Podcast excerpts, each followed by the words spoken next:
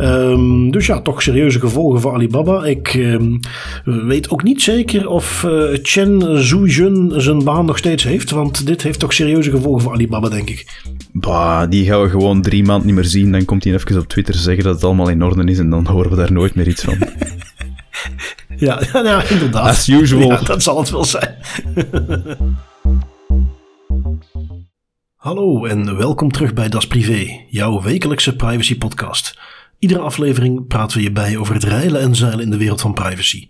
Digitale spionage, boetes, datalekken, nieuwe technologie, privacy tools, oftewel alles dat er in een week gebeurt in privacyland. Ik ben Bart van Buitenen en samen met Tim van Haren hebben wij het privacy nieuws van deze week gecureerd en eruit gehaald wat er echt toe doet. Ik moet natuurlijk zeggen twee weken, we hebben een weekje vakantie gehad. En wat hebben we gemist tijdens die week vakantie? Met duizenden tegelijk in Amerikaanse stijl big tech suwen is toch niet zo eenvoudig. Kan AI misdaden voorspellen?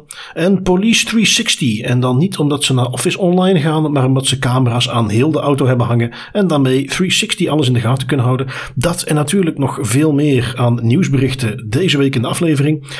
Kleine huishoudelijke mededeling, of eigenlijk is het eerder een soort teasertje.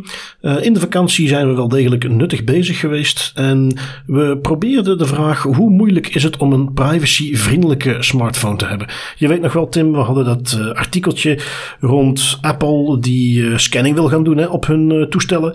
Um, iets wat, mm -hmm. ja, ik geloof bij jou ook een beetje triggerde van: mm, dat is toch een ecosysteem. We hebben dat nu jaren gedaan, privacy-vriendelijk, maar misschien dat we dat toch ooit eens uit zouden moeten kan dat eigenlijk wel. Um, som genomen. Uh, ook eventjes wat info aan de community gevraagd. Waar toch een aantal mensen zitten die zoiets al eens gedaan hebben. En als je nu genoeg hebt van iOS, Android en je wilt een privacyvriendelijke smartphone.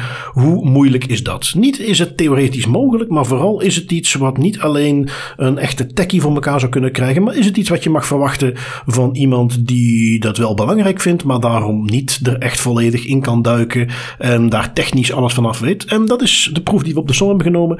En allerlei appjes getest. Uh, Zo'n telefoon inderdaad geïnstalleerd. En dat was een heel leuk projectje. Nou, daar gaan we binnenkort publiceren we er ook een artikeltje van. Daar zullen we ook in de, de aflevering even aandacht voor vragen. Heel leuk projectje wat we hebben gedaan. Iets waar we er hopelijk nog veel meer van gaan doen. En die komt dus binnenkort beschikbaar voor iedereen. Kijk je heel erg naar uit. Um, dat gezegd zijnde gaan wij gewoon verder waar wij het woorden vakantie ook gebleven waren, Tim. Wij beginnen met een artikeltje, komt uit Nederland, waar men al een tijdje bezig is met, ja, toch een vorm van massaclaims. Een beetje in de stijl van het Amerikaanse suwen. We hebben daar heel veel varianten richting Instagram gezien, waar men daar gebruik van maakte. Maar de laatste variant is toch geen wild succes gebleken. Je had hem meegenomen van tweakers.net. Ja, klopt. Het is een rechtbank in Amsterdam die een massaclaim van de Privacy Collective, wat dat ook een privacyorganisatie in Nederland is, uh, die heeft dat niet onontvankelijk verklaard. De Nederlandse stichting, de Privacy Collective, uh, eiste in 2020 al een schadevergoeding van 11 miljard euro van Oracle en Salesforce, omdat de twee bedrijven met cookies op grote schaal gegevens van bezoekers van websites zouden verzamelen om profielen op te bouwen, uiteraard zonder toestemming. Nu, ik wil even inzoomen op, op die case. En waarom is dat nu eigenlijk niet ontvankelijk verklaard? Want er zijn toch een aantal interessante aandachtspunten aan. En om dat verhaal goed te brengen, moeten we eigenlijk teruggaan naar de start van 2020. Want toen kwam er een nieuwe wetgeving uh, van kracht in Nederland, de, de WAMKA, de wet afwikkeling massaschade in collectieve actie. En dat is een wetgeving die eigenlijk één doel op zich had: het makkelijker maken om massaschadegevallen af te handelen via een Nederlandse rechter. Het idee is simpel. Massaschade wordt geleden door een groot aantal personen. Die willen allemaal natuurlijk een schadeclaim in gaan brengen. In plaats van als ze dat allemaal individueel doen, kunnen ze dan nu een beetje naar Amerikaans voorbeeld, class action lawsuit, in één grote pot gaan steken. En daar dan ook hun deel terug uithalen, bij wijze van spreken. En dat opent natuurlijk perspectieven ook in een digitale omgeving. Denk aan data breaches, misbruik, data van data verkeerd gaan gebruiken of, of misbruiken. Dan spreek je al vaak in grootorders van honderden, duizenden of miljoenen gebruikers als zoiets fout gaat. Uh, en dat opent perspectieven voor van die massaschadegevallen. Nu, ik zei er net, die WAMKA-wetgeving, om het zo kort te zeggen, die moet het eenvoudiger maken, maar eenvoudiger betekent niet dat je zomaar geen moeite moet doen, want je moet wel nog steeds kunnen aantonen dat er op grote schaal schade is geleden. En als jij als organisatie opkomt voor benadeelden, moet je dat ook kunnen aantonen. En daar maakt in mijn ogen de Privacy Collective de fout. Eh, de rechtbank constateerde namelijk een gebrek aan representativiteit. En dat wil eigenlijk zeggen, om het misschien gewoon praktisch voor te stellen, de Privacy Collective had op hun website een link staan naar deze specifieke uh, massaclaim, uh, waar mensen ook steun konden betuigen. Dus ook kunnen intekenen op die massaclaim door middel van een like, een duimpje naar omhoog. Ik doe mee eigenlijk. Dat heeft in totaal 75.000 likes gehaald, maar de Privacy Collective was vergeten om een manier te, in te stellen zodat mensen ook effectief uh, gecontacteerd konden worden. Dat men eigenlijk kon gaan achterhalen, ja, wie zit er nu achter die 75.000 likes? Zijn dat nu effectief mensen die schade hebben geleden door de zogenaamde cookies die data verzamelen van, via Oracle en Salesforce? Dat was allemaal niet duidelijk. En de Privacy Collective had ook verder geen contactgegevens van benadeelden bijgehouden, aangezien ze gewoon een like gaven. Dus dat was een heel uh, simpel en oppervlakkig gegeven. En daar ziet de rechter dan wel graten in, want ja, het is gewoon verplicht volgens de WAMCA-wetgeving om contact te kunnen houden met de benadeelden, om die op de hoogte te houden van de case, om die ook eventueel uit te betalen als er dan effectief een schadevergoeding zou aan te pas komen. Um, en ja, ik vind dat een beetje jammer. Dat is waarom die ook niet ontvankelijk is verklaard. 75.000 likes in totaal, dat is geen klein aantal. Een, een miljardenclaim van 11 miljard, maar ja, naar wie gaat dat dan? Wie is er dan eigenlijk benadeeld? Daar kon niemand een antwoord op geven. En WAMCA mag dan wel een nieuwe wetgeving zijn, die is in werking getreden in januari 2020, als ik me niet vergis. Maar ik heb toch wel het gevoel dat dit bij de Privacy, um, de Privacy Collective wel een ja, sloppy job was. Ja, ik denk het ook. Ik bedoel, dit lijkt me redelijk basic. Als jij zo'n rechtszaak wilt aanspannen en jij wilt zeggen, ja, wij maken gebruik van een wetgeving die ervoor voorzien is dat een organisatie personen kan vertegenwoordigen. En eh, de rechter vraagt dan, oké, dat is prima, groot gelijk. Wie vertegenwoordig je? Ja, dat weten we niet. We hebben gewoon 75.000 likes. Klinkt als iets wat inderdaad uh, beter onderbouwd had kunnen zijn. Zeker als je ziet, hier zijn heel wat voorbeelden ondertussen van in Nederland waar we dan een beetje de andere kant op gaat. Hè, waar je dan voor, wat is het, 17,50 euro kun je aansluiten. En dan zijn er zo 10.000 mensen die zich daarvoor aangesloten hebben. Dat is meteen een leuk optelsommetje voor de organisatoren. Daar zijn er hele stichtingen rond opgetogen om alleen maar dat te doen. Um, dus ja, hier misschien wat de andere kant op. Ze wil het natuurlijk heel toegankelijk maken. Maar inderdaad, dat je denkt dat we even met een likeje voldoende kunnen onderbouwen dat we 75.000 mensen vertegenwoordigen. Dat lijkt me redelijk terecht dat de rechter zei. Daar ga ik niet in mee. Ja, en dat is een beetje zonde, hè, want als dan nu weer een, een, uh, een privacy case, bij wijze van spreken, die dan in de media komt en waar men eigenlijk ja, geconfronteerd wordt met een, een uh, privacy-organisatie die geen achtergrondonderzoek heeft gedaan, die WAMCA-wetgeving, want anders had je dat ook wel duidelijk gezien, dat er bepaalde verplichtingen zijn als je zo'n ja, een claim wilt gaan en, instellen. Wij zijn zelf ook geen juristen, maar dit is niet, uh, dit is niet al te moeilijk zoiets. Nee. Uh, ik, ik, hoop dat de Privacy Collective uh, eventjes gaat uithuilen en opnieuw begint. En dan gewoon even vraagt om toch even een formuliertje in te vullen waar de minimale gegevens in staan. Je moet geen 75.000 identiteitskaarten gaan verzamelen om zoiets georganiseerd te krijgen. Dus ja, um, in ieder geval iets waar ze net iets verder moeten gaan. Um, als we dan kijken naar landen waar men al verder gaat, dan kunnen we altijd eventjes naar um, Amerika kijken, uiteraard. Zeker op privacygebied. Uh, ik kan AI misdaden voorspellen. Wat denk jij, Tim? Nee. Ga je mij overtuigen dat het wel zo is? Uh, nee, ga ik zeker niet. Ik, ik, ik pak ook eventjes okay, een, adagium erbij, wat we in het journalistenmilieu al uh, vaker gehoord hebben. Uh, als er in de headline een vraag gesteld wordt, dan kan die over het algemeen met nee beantwoord worden. Um, nou, je, ziet natuurlijk ook het geval, maar neemt niet weg dat ik het stukje wat eronder zit wel interessant vind. we kijken naar LA, dit is een artikeltje van The Guardian. En zij hebben daar meegekeken met wat documenten bekeken van de LAPD, die bezig is met uh, weer AI toepassen op het dus identificeren, voorspellen van misdaden. Want laten we wel zijn, uh, wij zeggen nu misschien meteen, ja, nee, natuurlijk kan dat niet. Uh, dat is ook iets wat ondertussen toch al veelvuldig voorbij is gekomen. Laten we zeggen dat misschien een rol in de ondersteuning van de aanpak van criminaliteit zou kunnen, maar dat daar echt voorspellingen mee gedaan kunnen worden. De predictive policing is iets waar ik denk in privacyland weinig twijfel over bestaat dat dat niet werkt op die manier. Maar dat het een vraag is die voor een heel aantal, uh, kennelijk ook politiediensten, toch niet eenduidig beantwoord wordt met uh, het antwoord is hier een grote nee. Want dit soort projectjes komen heel vaak voorbij. Nou, in, in LA was men daar al langer mee bezig. De LAPD had in 2011 voor het eerst een project LASER. LASER stond voor Los Angeles Strategic Extraction and Restoration.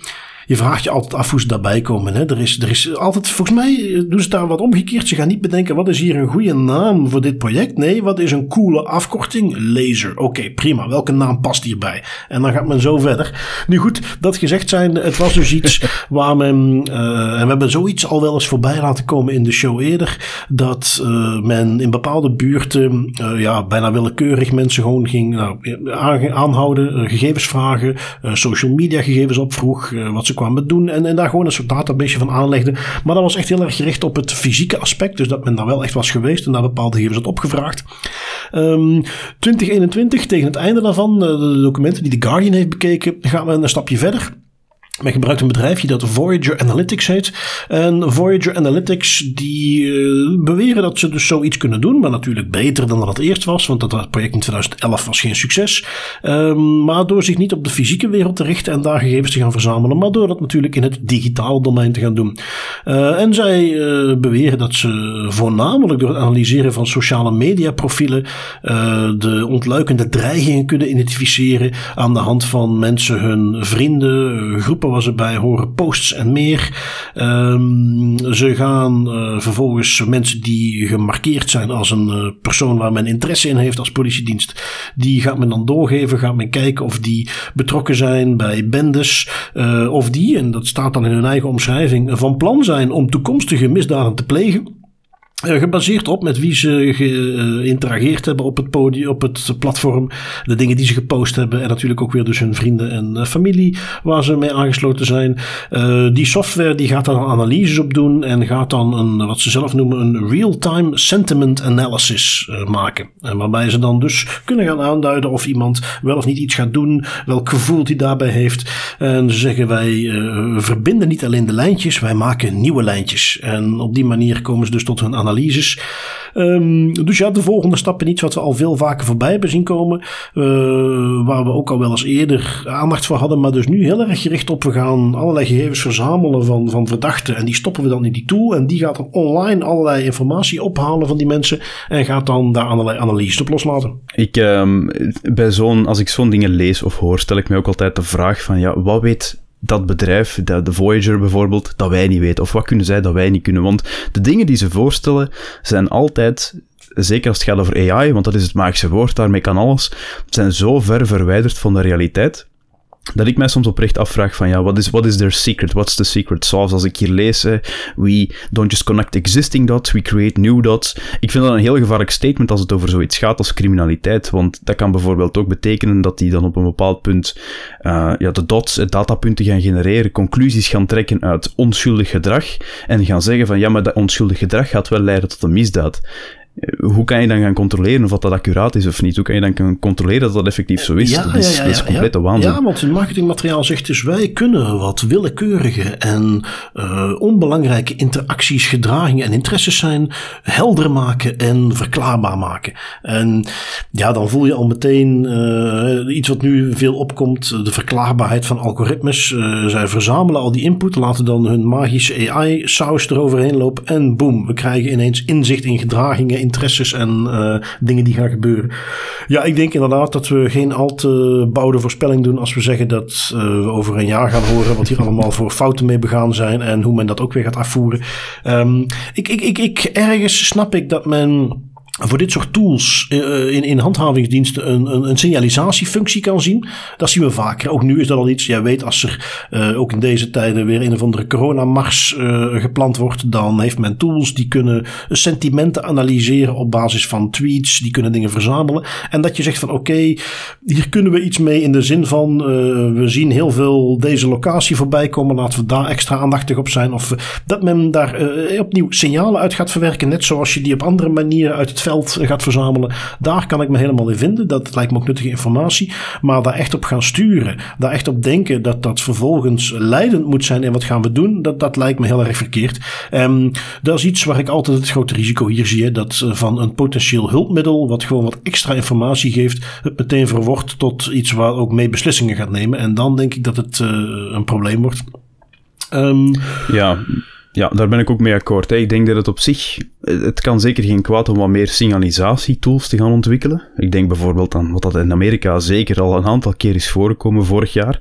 En de komende jaren ongetwijfeld nog weer. Hè, dat er ergens op een school geschoten wordt door een student. En wat bleek dan op social media had hij 30 posts staan waar het hem zei van ik ga morgen de school kapot schieten.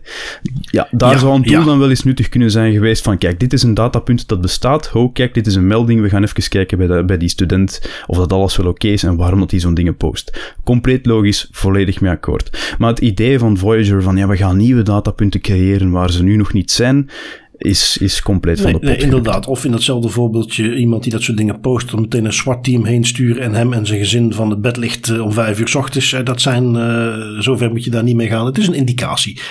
Um, nu goed, uh, iets dichter bij huis. Um, politiecamera's uh, of politiewagens uitgerust met camera's. Ziet wat jij hebt meegenomen van security.nl. Een nieuw proefproject van de Nederlandse politie. Wat is men precies van plan? Ja, men is daar van plan om in een bepaald district uh, politiewagens uit, uit, te gaan rusten met camera's. 360-view camera's, denk ik. En um, dat is eigenlijk een interessant project, denk ik wel, voor meerdere redenen. Nu, ik moet wel meteen zeggen, het gaat hier niet over automatische camera's, het gaat hier niet over camera's die fulltime opnemen, het gaat hier over camera's met een manuele bediening. En dat wil zeggen dat een agent op de knop moet drukken en dan pas start een opname van een aantal minuten hmm. uh, of een vooringestelde tijd om eigenlijk rond de auto te gaan filmen wat er gebeurt om twee redenen volgens de politie zelf. Eén, het werkt deescalerend, gezegd, want ja, mensen voelen zich gefilmd, mensen gaan zich misschien anders gedragen, omdat ze weten, alles dat ik nu doe, kan ook effectief tegen mij gebruikt worden, want het staat zwart op wit op beeld. En twee, uh, het kan ook dienen als bewijsmateriaal tegen mensen die uh, staan te schoppen tegen een politiewagen, bij wijze van spreken.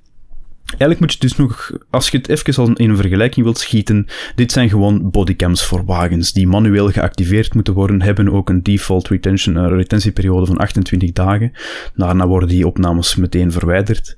Um, met de caveat dat ze wel langer kunnen bijgehouden worden indien ze gemarkeerd worden als bewijsmateriaal, uiteraard. Um, en de wagens, en dat vind ik ook wel interessant aan dit project, er is soms op bepaalde aspecten over nagedacht. De wagens die uitgerust zijn met camera's krijgen stickers, zodat de mensen weten, dit zijn, dit zijn wagens die uitgerust zijn met camera's. Nu, en dat is denk ik iets wat we nog moeten gaan opvolgen. Dat proefproject moet nu gaan uitwijzen of de camera's een positieve bijdrage leveren aan het politiewerk. En daar ben ik heel benieuwd naar, want dat is iets dat vandaag de dag al heel moeilijk lukt met bodycams of met uh, camera's die in een statische positie staan geïnstalleerd. Om, om te gaan evalueren of dat die camera's effectief een positief effect hebben of dat die gewoon aan symptoombestrijding doen. Vind ik, vind ik interessant. Ja, ik, ik ben, ik, ben eigenlijk wel fan van zoiets. Hè. Naar, naar verantwoordelijkheid af kunnen leggen. Uh, twee dingen die ik hierin terug zie komen. Eén, het is een stukje vastlegging van wat, wat gebeurt hier. Op het moment dat er op zo'n knop geduwd wordt. Uh, zolang, daar zou ik ook wel mee uitkijken dan, dat een, een, een, agent niet meer mogelijkheden heeft om het te beïnvloeden. Door, door bepaalde camera's wel of niet aan te zetten, waardoor dingen wel of niet in beeld komen. Maar het is gewoon aan of uit en mhm. alles begint te filmen. Um, ik weet ook niet of er geluid bij zit. Um, en voor de rest, wat mij wel interessant lijkt, is ook meer misschien een stukje de, de afschrikkende werking daarvan. Uh, want ik denk wel aan, aan, een ander fenomeen wat we de laatste tijd steeds meer zien.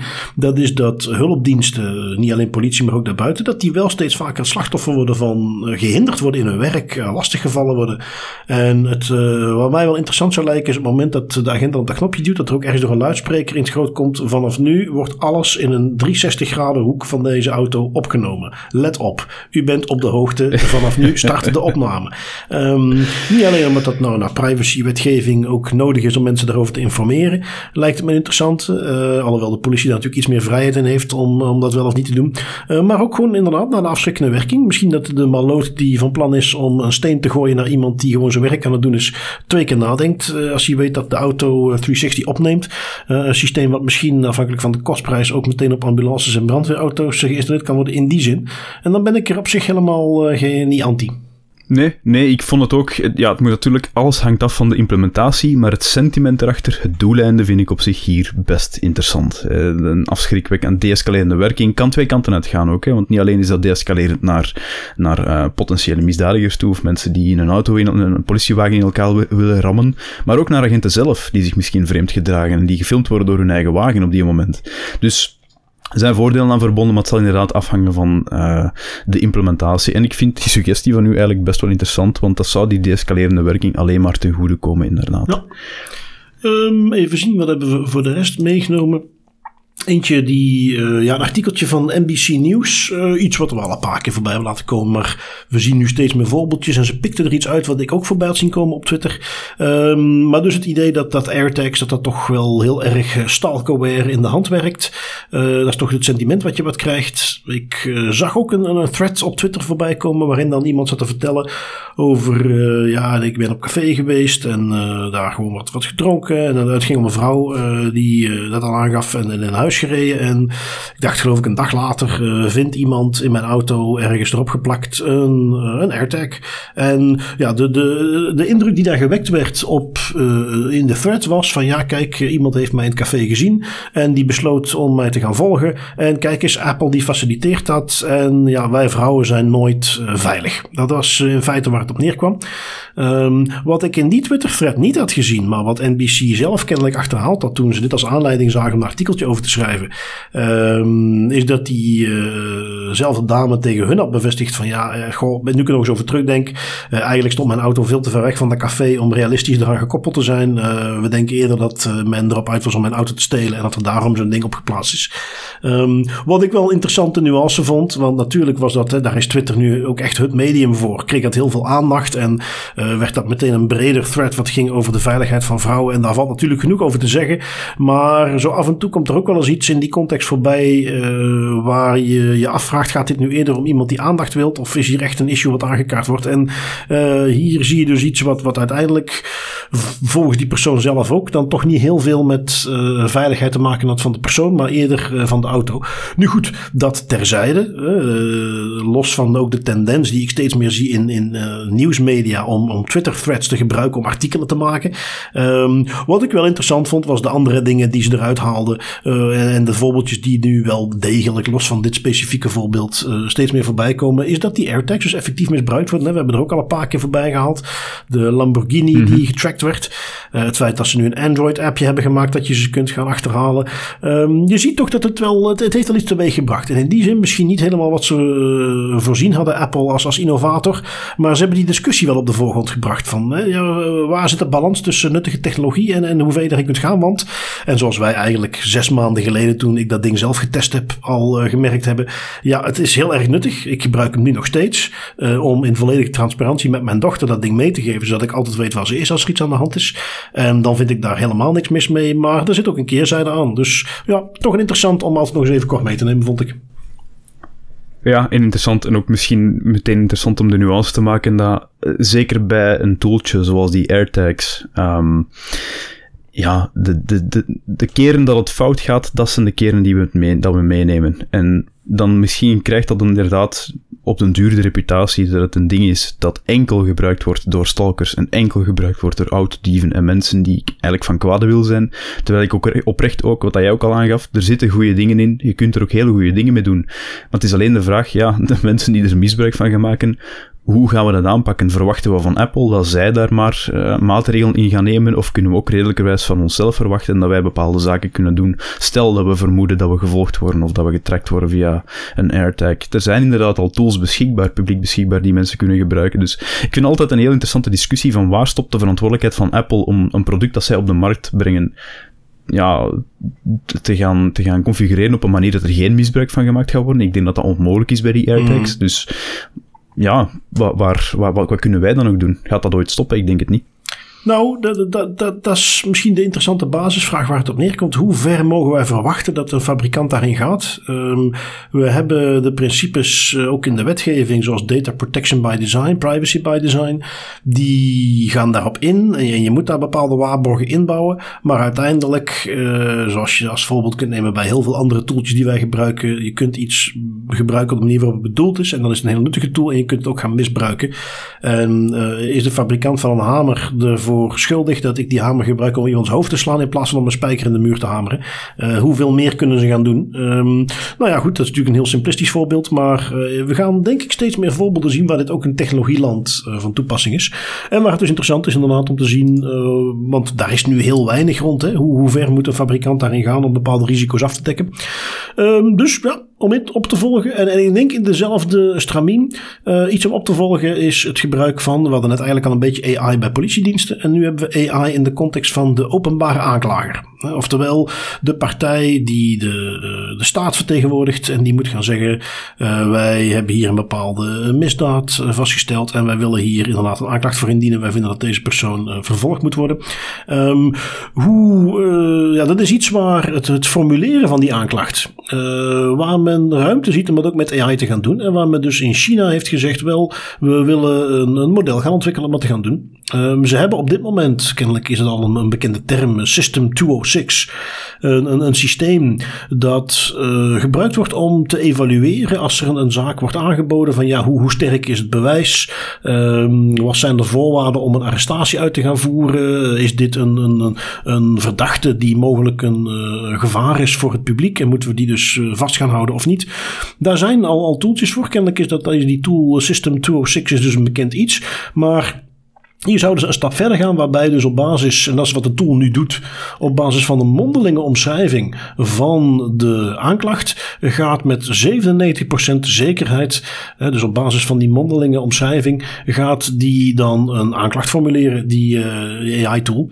En ja goed, dan wordt dus het hele proces in werking gezet. Dan, dan wordt er, zoals het hoort, gewoon een, een, een volledige aanklacht uh, geformuleerd en gaat dat allemaal uh, van start, alles wat erbij hoort. Spreekt dus voor zich dat dat voor de betrokkenen uh, behoorlijke gevolgen heeft als dat proces van start gaat. En dat die beslissingen om dus een aanklacht wel of niet uh, te formuleren en dat proces te starten een heel belangrijke vraag is. En wel, dat is dus wat dit model moet gaan doen. Um, op dit moment is het ontwikkeld. Men wil het nu gaan testen. Uh, de resultaten zijn er dus nog niet echt van bekend. Uh, men heeft het, het, model getraind op meer dan 17.000 verschillende cases, zaken die al zijn voorgekomen van de laatste vijf jaar. En het zijn dan uh, de acht meest voorkomende misdaden waar die nu dan geautomatiseerd dus een aanklacht voor zou gaan formuleren. Dus uh, opnieuw om het nog eens even te kaderen. We hebben alle informatie die wordt aangeleverd aan dat model. En die gaat dan besluiten, gaan wij deze persoon aanklagen of niet. Dus opnieuw een, een behoorlijk heftige beslissing. En dat is het verschil met uh, de eerdere variant waar er opnieuw een signaalfunctie was. Van, goh, deze persoon volgens, deze persoon volgens het model is zo gevaarlijk. Of gaat zoveel vluchten. Of het bewijs is uh, op deze manier krachtig. Dat is een signaalfunctie. En nu gaat er echt een beslissing in genomen worden. Um, er zijn dus nu acht misdaden van uh, kredietkaartfraude, uh, gokoperaties die opgestart zijn, gevaarlijk rijden, ehm, bewuste verwondingen toegebracht. Dat zijn het soort dingen die ze nu uit hebben gehaald. En waar ze dus nu de komende periode gaan inschatten, gaan testen of dat toeltje bruikbaar is. Dat is, dat is maf, hè. En ik, ik, was meteen iets van denken toen hij dat aan het zeggen was. Ik was eigenlijk aan het denken aan de discussie die momenteel redelijk hard gevoerd wordt op het vlak van zelfrijdende auto's. En ik zie hier heel veel gelijkenissen terugkomen. Hè. Het idee van we hebben iets waar momenteel een mens achter het stuur zit, of waar momenteel een mens uh, een oordeel moet gaan vellen of een aanklacht moet gaan, moet gaan neerpennen. Willen we dat nu echt gaan vervangen door een artificiële intelligentie die de beslissingen maakt? En de argumenten pro en contra kunnen hier ook doorgetrokken worden. Want als we het hebben over zelfrijdende auto's bijvoorbeeld, daar is een van de argumenten, ja, mensen maken fouten. Mensen stappen dronken achter het stuur, mensen maken een inschattingsfout en de computer gaat dat veel minder snel doen. Dat kun je hier ook gaan doen, maar dan is de vraag van, ja, wat als die computer dan toch een fout maakt? Ja, uh, openbare aanklagers, mensen die in een rechtbank kunnen ook fouten maken, want dat zijn ook mensen, kunnen ook corrupt zijn, dat kan ook, dat gebeurt ook. Maar willen we dat gaan vervangen door een computer? Dat is, ik vind dat soms fascinerend om te zien ja. wat dat China eigenlijk allemaal doet en ontwikkelt, want de dingen waar wij nu nog bij stilstaan van willen we dat wel doen op ethisch niveau, daar zijn zij al mee bezig. Nou ja, wat je hier dus ziet is dat een, een aanklager uit een bepaalde stad hebben ze ook voor dit artikeltje geïnterviewd. Het artikeltje is trouwens uit de South China Morning Post. Um, mm -hmm. En, en ja, die geeft ook aan van ja, kijk, we hebben, we hebben het hier over een accuraatheid van 97%. Ja, dat klinkt wel leuk. Maar uh, in 3% van de gevallen iemand onterecht aanklagen, puur en alleen dat proces van een aanklacht, dat heeft al een gigantische impact op iemand. Um, en, en, en nog niet alleen van ja, wat, wat als het fout gaat hoe gaan we dat corrigeren? Maar vooral ook, wie is er dan voor verantwoordelijk? Uh, is dat de aanklager? Uh, degene, de mens die het uiteindelijk eh, officieel gaat ondertekenen? Is het de machine? Is dat degene die het algoritme heeft gemaakt? Um, want dat is wel, dat een, want kijk, ook een openbare aanklager maakt nu ook fouten. Dat, dat gebeurt nu ook in de praktijk. wat voor percentage dat is, weet ik niet. Maar we verwachten dat we een machine maken die dat 100% perfect gaat doen. dat is een lastige. Maar in hoeverre willen we dat zo'n beslissing door een machine wordt genomen. En, en als het dan fout gaat, als het door een mens gebeurt, ja, dan weten we wie daarvoor verantwoordelijk is. En dan weten we ook wie daar op matje voor moet roepen. En dat is ook iets wat weegt op die persoon die die beslissing moet nemen. Die weet ook, als ik hier een fout maak, dan uh, hang ik eraan. En, en daar zit een bepaalde voorzichtigheid die dat ook met zich meebrengt. Uh, ja, dat is iets wat een auto niet voelt. Hè? Uh, dat is iets wat een, ook een, een AI-learning algoritme voor een openbare aanklager ook niet voelt, die druk van voorzichtigheid. Dus ja, in ieder geval een, een heel interessante ontwikkeling weer. En wat dat betreft ja, moeten we het China ook meegeven. Inderdaad, zij doen dit gewoon. Um, gaan we eens kijken van oké, wat gebeurt hier? Ik denk dat zoiets hier al niet snel voorbij een ethisch comité zou komen. Laat staan dat het helemaal ontwikkeld wordt en klaar is voor gebruik. Als er al überhaupt bestaat een ethisch comité in China. Uh, och, uh, ongetwijfeld. met gewoon de, de, in, in, naam, hè. In naam zal dat wel bestaan, maar of het veel inhoud heeft... Ja, of, of gewoon met een uitzonderingsclausule voor de overheid, hè. Um, ja, ja, ja. Um, even zien, wat hebben we dan nog? En, en we gaan weer even iets te, dichter bij huis. Um, data-retentie blijft natuurlijk een interessante. En je hebt er eentje meegenomen, yes. Tim, van tweakers.net hadden we hem, waar men daar in Duitsland een interessante insteek voor heeft gevonden. Ja, ja, er zijn uh, het ding van een dataretentiewetgeving die het mogelijk maakt om massaal telecomdata van burgers op te gaan slaan onder het mom van misdaad of terreurbestrijding. Ja, dat passeert redelijk vaak al de revue in de podcast. Um, en eigenlijk iets om het nieuwe jaar goed in te zetten. We hebben ook iets goed nieuws over zo'n dataretentiewetgeving. Meestal is het niet zo goed nieuws, maar deze keer wel uit Duitsland. Het is namelijk de nieuwe minister van Justitie, Marco Buschmann, die wil dat er in Duitsland niet meer aan continue dataretentie bij telecom wordt gedaan als daar geen specifieke gegronde reden toe is. Volgens hem schendt het de grondrechten en beperkt het uh, het vrijheidsgevoel van de burgers veel te veel. Daar ga ik ook volledig mee akkoord. zijn dezelfde argumenten die wij ook aanhalen als het in toen een paar maanden terug nog ging over de dataretentiewetgeving in België. Hetzelfde concept, hè. de dataretentiewetgeving bepaalt dat bepaalde telecomdata en masse mag opgeslagen worden onder het mom van misdaadbestrijding en gebruikt mag worden door, door ordediensten um, zonder specifieke reden. Daar gaan ze nu op terugstappen. Um, en wat er dus nu gebeurt, is telecomoperatoren kunnen wel verplicht worden om via een gerechtelijk bevel backups te maken van gegevens bij vermoedens van ernstige strafbare feiten, maar die vermoedens moeten effectief wel zijn en je moet door een juridisch proces gaan om die data binnen te kunnen pakken als ordedienst. Het is dus geen sleepnet, maar de ordediensten hebben zo wel een instrument om strafbare feiten te kunnen onderzoeken, wat dan een veel genuanceerdere en gebalanceerdere manier van werken is dan de dataretentiewetgeving die ze er eigenlijk al een tijdje proberen door te krijgen en dat is dan het idee van we gaan gewoon alle data van, alle telecomdata van burgers opslaan. En als er iemand iets fout doet, dan gaan we het gewoon gaan halen, want we hebben het al liggen. Wat dat, ja, dan is het een beetje meer het idee van, ja, je bent al schuldig en we wachten gewoon tot als je iets fout doet, want we hebben dan alles toch al. En ja, dat, dat werkt niet in onze Europese rechtsstaten. Nu, dat klinkt allemaal natuurlijk heel leuk en, en dat is tof om te zien, maar een, een kleine side note die ik daar toch wel wil, bij wil maken. Deze leuke uitspraak komt er ook enkel en alleen omdat uh, de Duitse overheid al twee mislukte pogingen op hun palmares heeft staan om die dataretentiewet, uh, die dataretentie in de wet te steken in een veel uh, invasievere vorm. Dus dit is niet iets dat ze uit de goedheid van hun hart doen, maar ze hebben gewoon ondervonden dat ze hier niet doorkomen en dat ze dat dan maar in een mildere variant erdoor moeten krijgen. Ja, oké. Nou ja, uh, hoe het ook zij. Uh, van mijn part is het uh, pure frustratie met dat die dingen continu worden afgeschoten bij het Europees Hof. En dat ze denken, laat maar zitten. Um, nu, we, we, hebben het al eerder gezegd, hè, er is nu ook een nieuwe regering in Duitsland. En, en daar komen toch allerlei hele interessante initiatieven uit vanuit privacy positief oogpunt. men heeft ook in die eerdere regeringsverklaring al een aantal interessante dingen opgenomen. En dat men dat nu op deze manier een stukje in de praktijk omzet. ik kan het alleen maar toejuichen. Um, wat heb ik verder nog meegenomen? Een artikeltje uit een, Nederlandse krant. Uh, waar ik het niet al te lang over wil hebben, omdat die al heel vaak voorbij is gekomen. Maar gewoon om nog even mee te geven dat uh, die gemeentes die uh, burgers bespieden. Um, nu is er een moskee of een groep aan moskeeën die besloten hebben om de betreffende gemeentes voor de recht te slepen. Want uiteraard, ik wou dat ik het niet zou hoeven te zeggen, maar uiteraard waren deze moskeeën ook slachtoffer van die spieddrang van de gemeentes. En die hebben besloten om daar nu zowel bij een aantal aantal, uh, wat is het, eh, de ombudspersoon, uh, de gegevensbeschermingsautoriteit, maar dus ook juridisch om hier een zaak van te maken. En de NCTV, die organisatie het gefinancierd heeft voor die gemeentes, voor de rechter te dagen. ook vond ik nog interessant de organisatie, ze heette NTA, die ingehuurd werd door die gemeentes, want dat is natuurlijk iets wat dan uitbesteed werd voor een groot deel, dat onderzoek. Um, en ja, dus nu wordt de houding van de gemeentes en hun activiteiten wat extra onder de loep genomen En gaat men toch eens even kijken wat voor gevolgen daarvan gegeven moet worden. Dus ja, toch interessant dat in die zin die moskeeën besloten hebben om daar eens even de weg naar de rechter te volgen. Ja, ja, en het is iets waar we inderdaad niet te, veel, niet te veel woorden aan nog moeten gaan vuilmaken. We hebben het al bijna een heel jaar lang gedaan. Maar ik, uh, dat is toch wel een beetje een guilty pleasure gewonnen om te zien dat die, dat die Nederlandse gemeenten, die eigenlijk gewoon cowboypraktijken uitvoeren en maar wat doen, dat die nu ook continu op de vingers getikt worden. Het is bijna elke week dat we het kunnen meepakken. Ja, ja. En, en laten we er anders eventjes een das privé, das beter aan koppelen voor de lokale besturen in België en Vlaanderen. Um, bezint eer je begint, als je dit soort activiteiten aan het doen bent uh, in Nederland, heeft de pers al heel lang gehaald. We kunnen er hier nog aan ontkomen. Um, even zien, wat heb jij nog meegenomen? Iets van de VRT um, rond verplichte medische controles op het moment dat je naar Rusland gaat.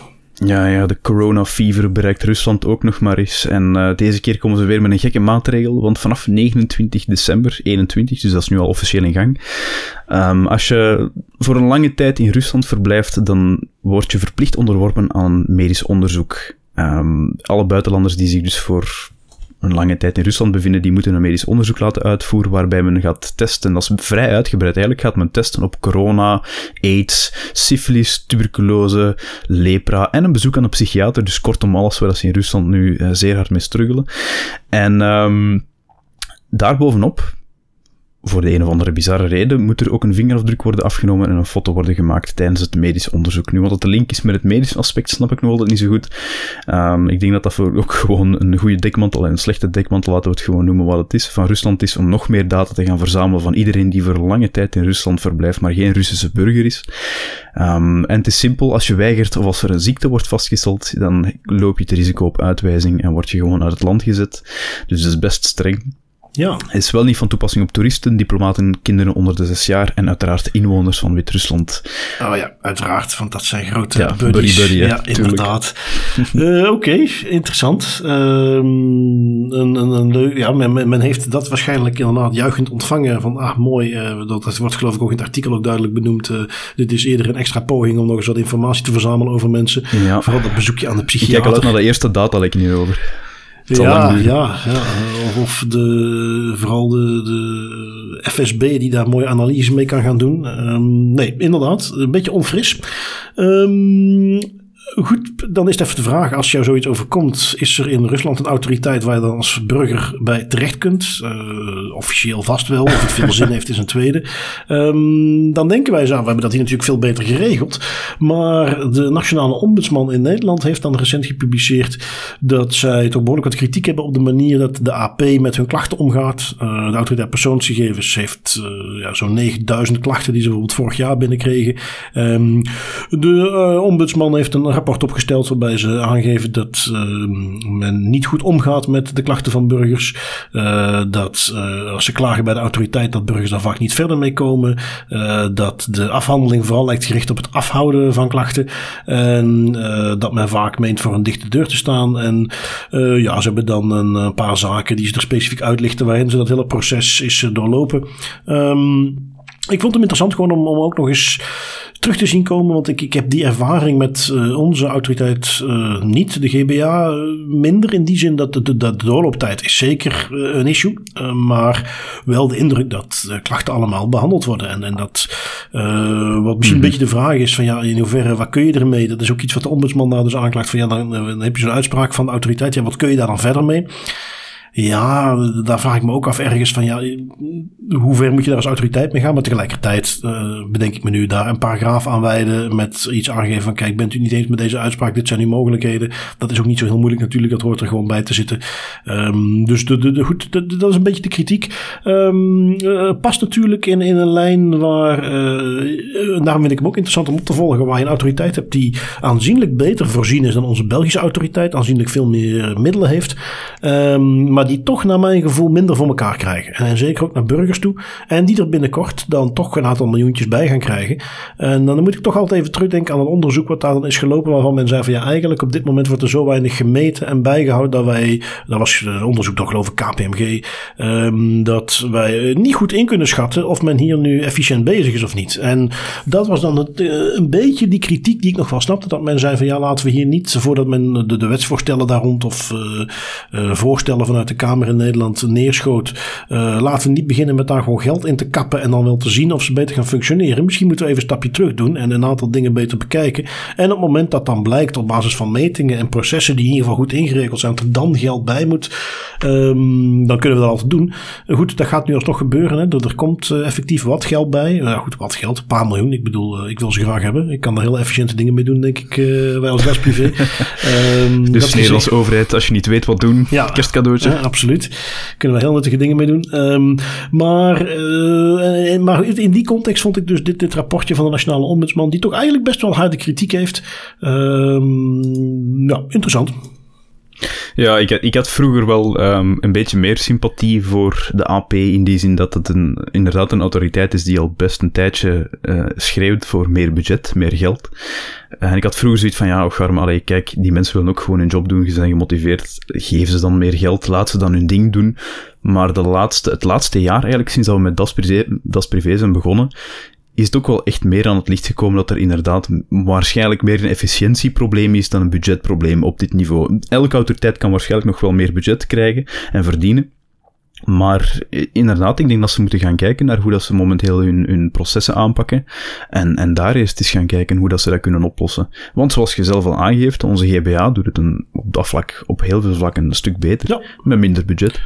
Helemaal waar. Um, dus ja, interessant om die nog eens uh, de revue te laten passeren. Toch weer een noot van kritiek.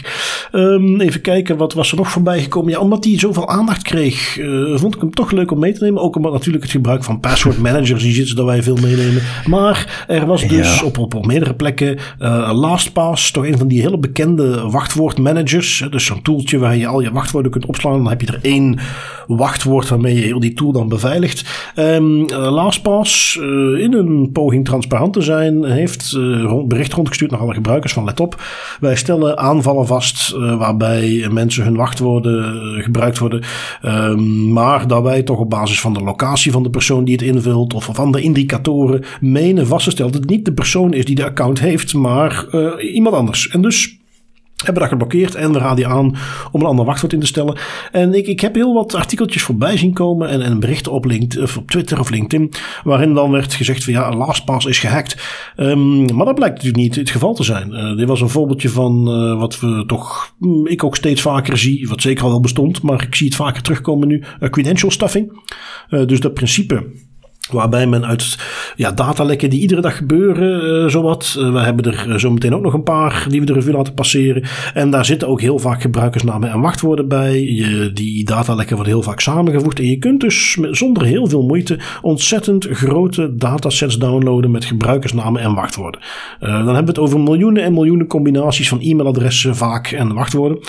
En dat is wat LastPass merkt, dat er zo'n dataset werd gebruikt om vervolgens uh, te kijken of mensen hun uh, LastPass wachtwoord daarmee beveiligd hadden. Dus dan heb je het over mensen die ergens anders een wachtwoord gebruikt hebben. Dat daar is het gelekt. Die daarmee ook hun wachtwoord van LastPass uh, gebruikten. Um, en dat is wat LastPass detecteert. Dus eigenlijk waar LastPass heel goed werk levert. Waar ze dat detecteren. Waar ze zeggen van oh, dat gaan we blokkeren. En wat een beetje naar buiten gebracht wordt als van ja, dit is uh, een, een LastPass zelf die gehackt is. En wat dus hier eigenlijk niet het geval was. Nee, dat was een, een, een beetje een triestig voorbeeld van uh, information gone wrong. Want ja, toen uiteindelijk, er was heel veel heisa rond, eigenlijk veel te veel heisa rond. En toen uiteindelijk bleek dat het gewoon ging om een credential stuffing attack en LastPass hier eigenlijk voor niks tussen zat buiten het feit dat zij gewoon heel netjes hun job hadden gedaan, vond ik dat heel jammer. Ja, precies. Um, even zien, dan uh, wat hebben we. Ja, dat is een mooie intro natuurlijk om eventjes naar uh, het afdelingje met echte datalekken te gaan. Um, Tim, als jij zegt, als ik zeg Japan, Tokio, wat is jouw associatie daarmee? En even los van aardbevingen. Oké, okay, fijn, dat is heel stereotyp, maar ik denk dan toch wel zo wat high-tech, eh, toch wel top of the line. Toch, hè? Ja, ja wel, dat, dat heb ik ook natuurlijk. Uh, datalekje waar we het hier over hebben is dan toch aanzienlijk minder high-tech. Uh, Security.nl, hoe kan het ook anders?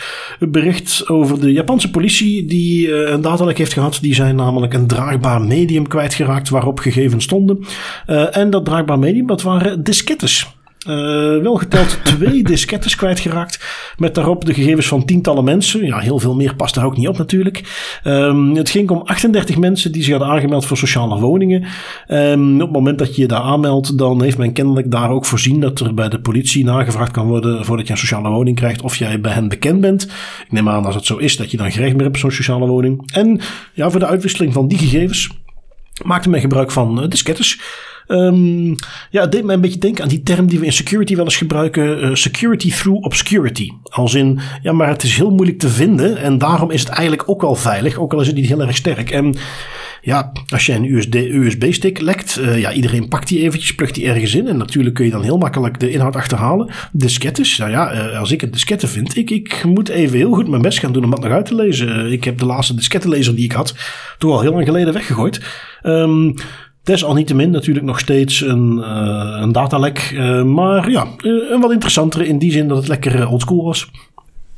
Ja, nee, grappig genoeg. Ik moet ook meteen altijd denken aan als ik eens voor mijn werk een, een, een, een, removal media policy aan het schrijven ben, bijvoorbeeld. Hè. Dat is een policy die bepaalt of dat bepaalde mediadragers gebruikt mogen worden en in welke mm -hmm. mate.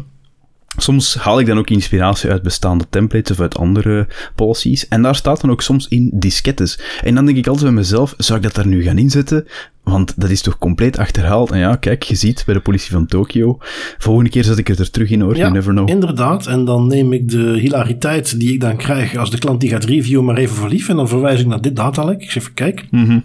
we kunnen het er maar Precies. inzetten. Um, dus goed, uh, even zien dan uh, qua ander datalek. Want ja, in die zin, dat is natuurlijk voordeel hier ook weer. De pure hoeveelheid gegevens viel natuurlijk wel mee. Um, je hebt er eentje meegenomen, Tim, van security.nl, uiteraard. Um, iets minder oldschool, maar toch ook niet bepaald high-tech, geloof ik. Nee, niet bepaald high-tech. Excel-sheets natuurlijk. Twee Excel-sheets eigenlijk in totaal met persoonlijke uh, en salarisgegevens van 637.000 Albanezen. Wat eigenlijk neerkomt op in totaal een kwart van de totale bevolking zijn gestolen en gelekt op het internet. Er is een onderzoek nu gaande hoe dat, dat komt, maar er zijn eigenlijk nu al vermoedens dat die Excels uh, doodleuk door een interne medewerker zijn gelekt, potentieel verkocht voor een grote som geld om dan daarna door te gaan verkopen.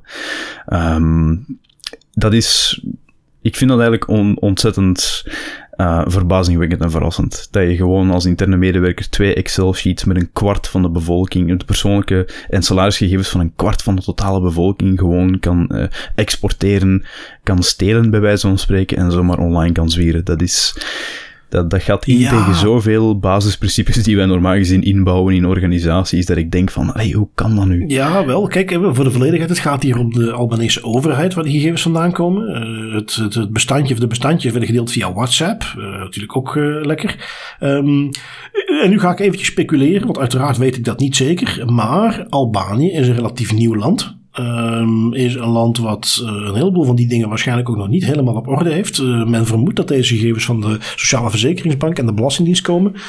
En ja, ik denk niet dat we een hele gewaagde uitspraak doen als we zeggen dat de systemen waar die dingen in zitten waarschijnlijk niet heel geavanceerd zijn. Dat inderdaad het iemand heel makkelijk is gebleken om die gegevens te exporteren in een Excelletje te stoppen en te gaan verkopen. En dat daar best wel gegadigden voor te vinden zijn. En ja, uh, goh, wat moet je daarmee doen? Ja, ik, ik, persoonlijk zou ik daar maar tot één conclusie kunnen komen. Uh, want ook opnieuw, hoe ver je ook staat in ontwikkelingscyclus en hoe, hoe, modern je ook bent. Op het moment dat je dat soort systemen gaat maken waar dat soort gegevens in zitten, ben je altijd in deze tech-wereld waar alles digitaal verbonden is. En je van mijn part een paar programmeurs uit Amerika of Silicon Valley erbij kunt halen. Um, is er geen excuus voor systemen waar dit in mogelijk is. Zeker niet met deze gevoeligheid. Maar ik denk dat dat een beetje de context is waar dit datalek heeft plaatsgevonden. Ja, dat zou inderdaad wel goed kunnen. Maar het is, het is iets confronterend om te zien, omdat een, een scenario, als, ik, ik beeld me dat gewoon dan in dat een scenario, een gelijkaardig scenario, zich hier zou, voor, zou voorspelen, afspelen eerder. En dan uh, bedenk ik me gewoon hoeveel basismaatregelen er niet aanwezig zouden moeten zijn voordat dat ook maar mogelijk is. Want dit is, dit is gewoon echt waanzin. Ja, Nee, inderdaad. Um, even zien. We hadden nog wat andere datalekjes. Wij hebben er nog eentje die natuurlijk ook het nieuws haalde. Um, aanzienlijk dichter bij huis. En, en, en, hier vond ik vooral de framing vond ik opvallend. Hè, hoe dit artikel geponeerd werd. Um, mm -hmm. uh, vaccinatiegegevens in Brussel gestolen. Ja, natuurlijk in de context van de problemen die ze al hadden met dat vaccinatiesysteem. Waar redelijk makkelijk uitgehaald kon worden wat de vaccinatiestatus van iemand was. Uh, toch in ieder geval als je het Rijksregisternummer had. hier werd dan weer het, hetzelfde aangehaald. Uh, uit het nieuwsblad dat we hebben meegenomen. En waar men dus met die headline uh, uitpakte. En uh, ja, waar men uh, ook meegaf van ja, er, zijn dus computers gestolen. er zitten gegevens van gevaccineerden op. En er wordt een beetje de, de indruk gewekt dat dat dan de reden is. Toch in ieder geval in de headline dat die computers gestolen zijn. Terwijl ik denk dat we veel makkelijker kunnen achterhalen wat hier gebeurd is. er is inderdaad ingebroken. Er zijn allerlei computers meegenomen. Toevallig was dat op de plek waar het nu helemaal om vaccinatiegegevens gaat. Um, en neemt niet weg, dit is een datalek. Hier zitten sowieso risico's aan. Maar de kans dat dit mensen te doen was om vaccinatiegegevens lijkt mij heel erg klein. Ik denk dat het eerder ging om die computers zelf. En uh, de, de, de insteek dat het zou gaan om zo'n uh, diefstal specifiek voor die gegevens, die was misschien wat korter de bocht. Uh, dat lijkt me eerder toeval. Ja, ja, een beetje een ongelukkig scenario. En met een beetje geluk is die computer ook nog beveiligd met BitLocker. Dat zou mooi zijn. En dan uh, zijn die vaccinatiegegevens ik, relatief Ik, ik moet wel nog natuurlijk. zeggen, men gaf dan zo'n uh, woordvoerder gaf uh, een stukje mee van ja, het is zo dat de computers uitstonden. Het moet dus al iemand zijn die de computers gaat hacken.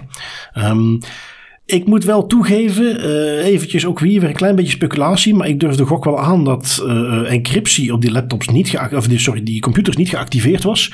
En dan is het niet echt te hacken om daar gegevens uit te halen. Hè. Die zullen gegarandeerd wel ergens ook in een Excelletje staan. aanzetten. En dan, ja. ja. misschien niet per se aanzetten, maar de harde schijf eruit halen en daar een kleine connector op aansluiten en dan vervolgens met USB aan je eigen toestel verbinden. Heel veel meer is het ook niet. Dus, ja, uh, takes no genius. Nee, dat is, nee, we nee, moeten het zeker inderdaad. niet downplayen. Uh, maar uh, de indruk dat het echt ging om die vaccinatiegegevens is toch ook zeker niet. Um, even nee. zien wat heb. Maar dat verkoopt beter. Dat verkoopt zeker beter. Hè? Een beetje clickbait is niemand vies van in Medialand. Um, jij hebt er nog eentje meegenomen van de Amigos app. Um, misschien nuttig om eerst even uit te leggen wat de Amigos app is, want ik kende hem niet. Ja, ik kende hem ook niet. Uh, maar dus Amigos app is een huisfeestjes app die, uh, dat blijkbaar ook echt een ding is. Dus het is een applicatie waarbij je gewoon in de buurt kan zien waar dat er ergens een homeparty is. Toch altijd leuk in coronatijden. En die hebben op, die hebben eigenlijk maandenlang privégegevens van een 200-tal, 200.000-tal eerder Nederlanders gelekt via een onontdekte kwetsbaarheid. Het is trouwens een kwetsbaarheid die gevonden is via een student, waarmee hij nota bene zichzelf beheerder van de app kon maken. En dus naast het bekijken van accountgegevens ook kon meelezen met privégesprekken die gaande waren, met locatiegegevens opvragen en valse password resets uitsturen. Dat brengt twee pijnpunten naar boven bij de Amigos-app, die hier zeker geen vrienden mee maakt. Eén, ja, wat moet een beheerder van een applicatie doen met het meelezen van privégesprekken? Dat vind ik al sowieso vreemd dat die functionaliteit erin zit. En twee, ja, come on. Dat is een, een kwetsbaarheid die maandenlang gewoon erin zat, die door een student is ontdekt. Credits given where due natuurlijk, maar ik, ik betwijfel of het een high-level uh, kwetsbaarheid is die gevonden is. En ik denk dat dit eerder gewoon sloppy programming was van Amigo zelf. Ja, en, en, en echt wel, uh, want dat is ook hier eentje waar die. Kijk, ik, alle begrip voor mensen die software maken en de uitdagingen. Maar als je zo'n soort app maakt, de, de 21-jarige student die zit dus te zeggen van ja, goh, ik was wel eens geïnteresseerd wat voor gegevens er allemaal op en neer gestuurd worden. Dus ik ben die eens gaan bekijken. En ik kwam erachter dat ik mezelf beheerder kan maken binnen de Amigos app. Ja, dat is weer zoiets. En ik ga hem gewoon nog eens meenemen, omdat ik hem ook in, bij klanten in, in opleiding altijd meegeef. Als jij een app maakt en in die app zitten relatief gevoelige persoonsgegevens met zo dingen als locatie, gesprekken, alles wat meer is dan naam en e-mailadres, uh, laat die app toch eens een keer pentesten. Degelijk pentesten. Jij bent ja. Amigos, jij ziet duizenden mensen per dag erbij komen. Uh, je hebt uh, honderdduizenden gebruikers. Sorry, dan moet het gewoon reflex nummer één zijn. Laten we dit ding eens een keer door de mangel laten halen door een ethische hacker om te kijken wat eruit komt. Um, ja, dan was dit er ongetwijfeld ook uitgehaald. Dus um, ja, toch jammer. Um, hoe dan ook, natuurlijk weer kudo's van iemand die dat vindt. En die vervolgens met die kwetsbaarheid ook naar ja. buiten treedt. En in contact gaat met Amigos en het op die manier oplost. dat is een, een insteek die niet overal gewaardeerd wordt. Uh, bijvoorbeeld in China kijkt men daar toch anders naar. Uh, Log4j is een kwetsbaarheid die toch in security land uh, de laatste weken tijdens de vakantie overal voorbij kwam. We hebben hem de vorige keer ook heel kort behandeld. Um, zonder er verder nog op in te gaan, maar uh, die werd voor het eerst gedetecteerd door iemand van Alibaba. Uh, van het cloud security team van Alibaba, dus een beetje de tegenhanger van Amazon in China. Um, wat heeft die vervolgens gedaan? Uh, die heeft de Apache Software Foundation, de non-profit achter ja, het maker van heel veel webtechnologie, webservers, die heeft die gewaarschuwd van let op, dit is iets wat standaard in jullie tool erbij zit. Um, daar zit een hele serieuze kwetsbaarheid in. Um, nu, dat ging in tegen nieuwe Chinese wetgeving. Die heeft gezegd dat op het moment dat je zo'n kwetsbaarheid ontdekt, dat het dan toch wel even de bedoeling is dat je die gaat melden bij het uh, Chinese veiligheidscentrum en niet eerst aan de maker zelf. Um, zonder om zo'n mooie kwetsbaarheid verloren te laten gaan ja, aan okay. de westerse conglomeraten, als daar de Chinese kameraden zelf nog iets mee kunnen doen. Um, en dus dat is hier niet gebeurd. Uh, daar zitten ook gevolgen aan. Alibaba, toch geen kleintje, wordt voor de eerstkomende zes maanden uitgesloten van uh, overheidscontracten in een bepaalde security tak. Um, dus ja, toch serieuze gevolgen voor Alibaba. Ik um, weet ook niet zeker of uh, Chen Zhuijun zijn baan nog steeds heeft, want dit heeft toch serieuze gevolgen voor Alibaba, denk ik. Bah, die gaan we gewoon drie maanden niet meer zien. Dan komt hij even op Twitter zeggen dat het allemaal in orde is en dan horen we daar nooit meer iets van. Ja, ja, inderdaad. As usual. Ja, lachen en zwaaien, jongens. Lachen en zwaaien. Uh, goed, uh, maar dus nog een interessante, uh, als we hebben over vulnerable disclosure, responsible disclosure bedoel ik. ja, dit was een vorm van vulnerable disclosure. Um, even doorgaan met de autoriteiten. You will. Um, ik vond dat het relatief rustig was. Even puur naar, naar uitspraken of, spannende dingen. Uh, ik heb er zelf eentje meegenomen van de IPD. Uh, uiteraard, wie anders? Spaanse autoriteit. Niet omdat die zo heftig was of omdat die uh, super interessant was, maar omdat die, of interessant in die zin dat die werd opgelegd aan een privépersoon. Een privépersoon die 6000 euro boete heeft moeten betalen. Ik denk als je dat herleidt naar het jareninkomen van die persoon, dat dat toch wel een aantal procenten is, die 6000 euro. en waarom kreeg je die 6000 euro boete? Die had op Twitter een video gepost. Dat ging om een situatie van huiselijk geweld. Uh, man, vrouw bij betrokken, iemand die ertussen springt. In ieder geval, die persoon had die beelden vervolgens opgenomen, had die gedeeld via Twitter en had daar geen blurring op toegepast. En had dus op die manier uh, schending van de privacy van die betrokkenen gedaan. Um, en ja, goed, dat heeft uiteindelijk tot deze boete van 6000 euro geleid. En uh, dat is wat ik er het interessante aan vond. Dat men, um, ja, je weet, de GDPR is niet van toepassing in puur huishoudelijke context. Dat betekent als ik mm -hmm. een video maak van een feestje van mijn dochter. Is dat niet meteen een probleem? Of moet ik niet meteen iedereen gaan informeren die erbij betrokken is dat dat puur huiselijk bedoeld is? Maar op momenten dat ik zoiets op Twitter zou gaan gooien of op YouTube zou gaan gooien, hetzelfde ook met een dashcam. Als ik een dashcam opname maak en ik doe daar verder niks mee, dat is één ding. Maar ga ik die vervolgens op YouTube gooien, dan val ik wel volledig onder de GDPR. Um, en dat is de context waar het hierin gebeurde. Door die video op Twitter te zetten, was dit meer dan gewoon een, een privéopname. Uh, en heeft die persoon dus een overtreding begaan. En daar kreeg hij 6000 euro boete voor. En dat vond ik interessant. En dat is een beweging die ik volgens mij meer zie tegenwoordig, is dat privépersonen ook verantwoordelijk worden gehouden voor dit soort dingen. En uh, ja, dat vond ik interessant hieraan. Ja, wat dan, eh, dat is een heel interessante piste om te bewandelen. Dat niet alleen organisaties het doel, het het is een, zwaar woord, dat niet alleen organisaties vatbaar zijn voor privacywetgevingen, maar ook personen zelf. Ook al zijn er uitzonderingen ingebouwd, als je te ver gaat, dan ga je te ver.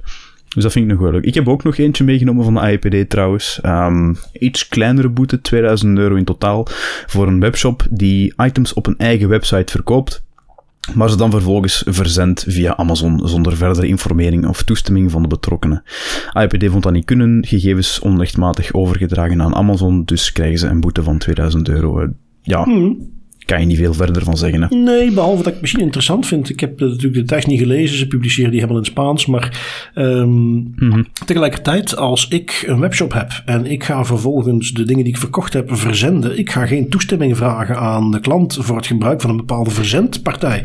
Uh, die kies ik mm-hmm. zelf. Um, ik moet natuurlijk als ik die gegevens ga doorgeven, moet ik mensen daarover informeren. Dat stuk snap ik. Maar uh, ik zou het interessant vinden hoe men ertoe kwam dat hier de toestemming eventueel ook voor nodig was. Dus dat is nog, nog een stukje wat ik uh, me hier afvraag. Um, kunnen we altijd nog eens een keer gaan bekijken.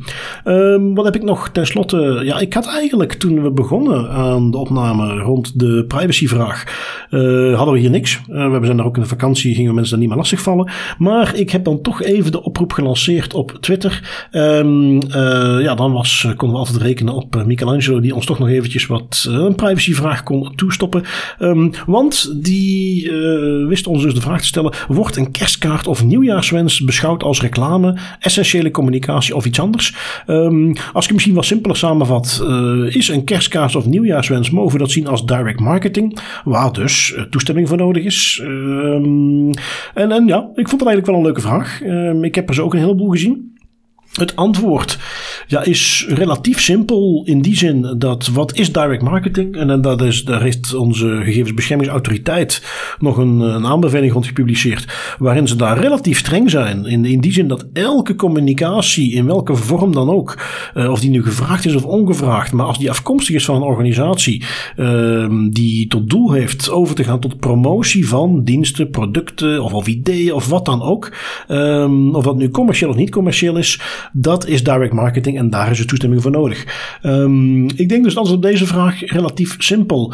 Um, ja, ten eerste, uh, als het gaat om uh, iemand die. Je, moet natuurlijk wel klant zijn. Ik bedoel, je moet bekend zijn bij die organisatie die jou dit stuurt. Uh, Michelangelo gaf ook aan: dit is wel een vraag vanuit de context van een bedrijf, niet een privépersoon die zo'n kaartje stuurt. Um, maar ja, op het moment dat het dus gewoon een kerstkaart is van een organisatie waar je al een bepaalde professionele of, of een bepaalde relatie mee hebt, zie ik daar geen probleem mee. De seconde dat die kerstkaart meer is dan fijne feesten, uh, 2022, gelukkig nieuwjaar. En daar iets bij zit van een, een promotieboodschap of een aanprijzing van diensten. Hè, zoiets als van ah, fijne feesten, welkom in 2022. Oh, by the way, nu we hier toch hebben, kijk eventjes op onze website naar deze en deze nieuwe dingen. Dan hebben we het dus over mhm. direct marketing. En dat is dus inderdaad iets wat niet mag als je daar geen toestemming voor hebt gegeven. En daar zitten de grenzen een beetje. Ja, maar wel een hele, een hele leuke vraag. Dat is zo'n typische grijze zone in privacyland van ja, waar gaan we nu de grens trekken en waar, wat mag je, wat mag je Ja, kijk, of het echt een uh, grijze zone is, weet ik niet. Maar het is er wel eentje waar heel veel tegen gezondigd wordt. En het is in ieder geval dus voor veel partijen die het doen. Uh, we denken ze een grijze zone. Want die heb ik al veel voorbij zien komen. Het slimmigheidje van, oh weet je wat, we doen eventjes een, een service mededeling. Uh, onze openingstijden zijn veranderd. En dan daaronder stoppen we meteen even wat promo. Wel, in ieder geval als we de aanbeveling van de. En ook in Engeland trouwens weet ik dat men daar op die manier naar kijkt en op veel andere landen. Uh, het moment dat je daar dan toch die promotie bij stopt, dan is het geen service mededeling meer mhm. en wordt het mhm. gewoon direct marketing. En daar heb je toestemming voor nodig. Dus inderdaad, Michelangelo, bedankt om ons daar nog eventjes van te voorzien, want dat was een leuke vraag. Um, ja, dan zijn we aangekomen bij onze privacy tooltjes. Wat uh, ik toch zie is dat wij ondertussen natuurlijk een hele serieuze lijst van privacy tools hebben. Ik denk dat wij misschien de komende periode, wat dat nog een heel jaar gaan doen, ja, dan komen ook wij weer. Tenzij natuurlijk hele leuke zijn en dan gaan we die altijd meenemen. Maar ik wil niet toeltjes gaan verzinnen om toeltjes te verzinnen. Uh, want er zijn er altijd wel, maar het moet ook nuttig zijn. Dus misschien dat we de komende periode eens gaan kijken of we gewoon naar algemene privacy tips gaan. Ook wel leuk. Hè? Daar hebben jij en ik toch mm ondertussen genoeg ervaring mee om daar iets niks over te kunnen zeggen. Maar voor nu heb ik wel degelijk nog een privacy tooltje meegenomen. Um, mijn tooltje past een beetje in goede nieuwjaarsvoornemens. Ga eens naar welke accounts heb ik allemaal waar ik eigenlijk niks mee doe. Welke dienst heb ik nooit opgeschreven, aangemeld. En heb ik wel degelijk gegevens doorgegeven, maar doe ik er eigenlijk niks mee. En uh, just delete me.xyz, just delete me .xyz dus, um, is een tooltje waar jij van, ja, eh, voor zover ik heb gezien, eh, honderden, misschien wel duizend tools rechtstreeks kunt bekijken. Hoe kan ik me daar gaan uitschrijven? Hoe kan ik mijn gegevens laten wissen? Hoe moeilijk is het? Um, en, en van de meest gebruikte tools tot allerlei obscure dingen. Je tikt gewoon de naam van een tool in en je krijgt te zien hoe je daar kunt uitschrijven. Rechtstreeks linkje naar de pagina.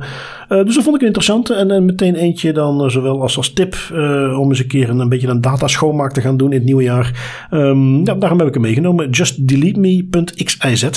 Ah, die komt echt een paar weken te laat, Bart. Want het is bijna elk familiefeest dat er wel iemand vraagt: Ja, je doet toch iets met privacy? Hè? Kun je mij niet helpen met, met een Facebook of met een TikTok te verwijderen? Want ik doe daar toch niks mee. Vanaf nu ga ik ze allemaal forwarden naar die site. dat is wel een, een, hele leuke, een hele leuke verzameling. Ik heb hem zelf ook al eens uitgeprobeerd en ja, zit goed in elkaar. Wat heb jij meegenomen? Ik heb Ad meegenomen. En Ad is een gratis browser-extensie die is ontworpen om browsergegevens te versluieren door eigenlijk op elke advertentie te klikken in de achtergrond en een bezoek te registreren in de database van ad networks.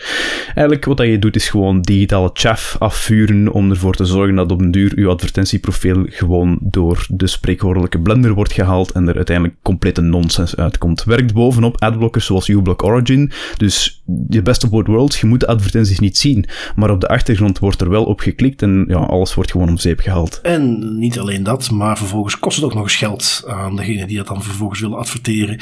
Ehm, ook leuk meegenomen.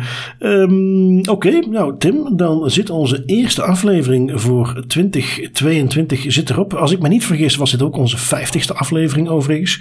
Dus een mini-jubileum. Ja, wat we wel eens echt gaan vieren als we op de 100 zitten. Hè, dan, dan vind ik dat je meetelt in podcastland. Um, maar dat, dat zal wel zijn. 50 is niks hè. Precies, we gaan minstens voor die 100 natuurlijk. Um, dat gezegd zijnde, ik vond het een genoeg om er weer in te kunnen vliegen. En dat gaan we ook zeker doen in 2022. En ik spreek jou volgende week weer. En onze luisteraars hoor ik volgende week weer. Yes, tot volgende week. Tot dan.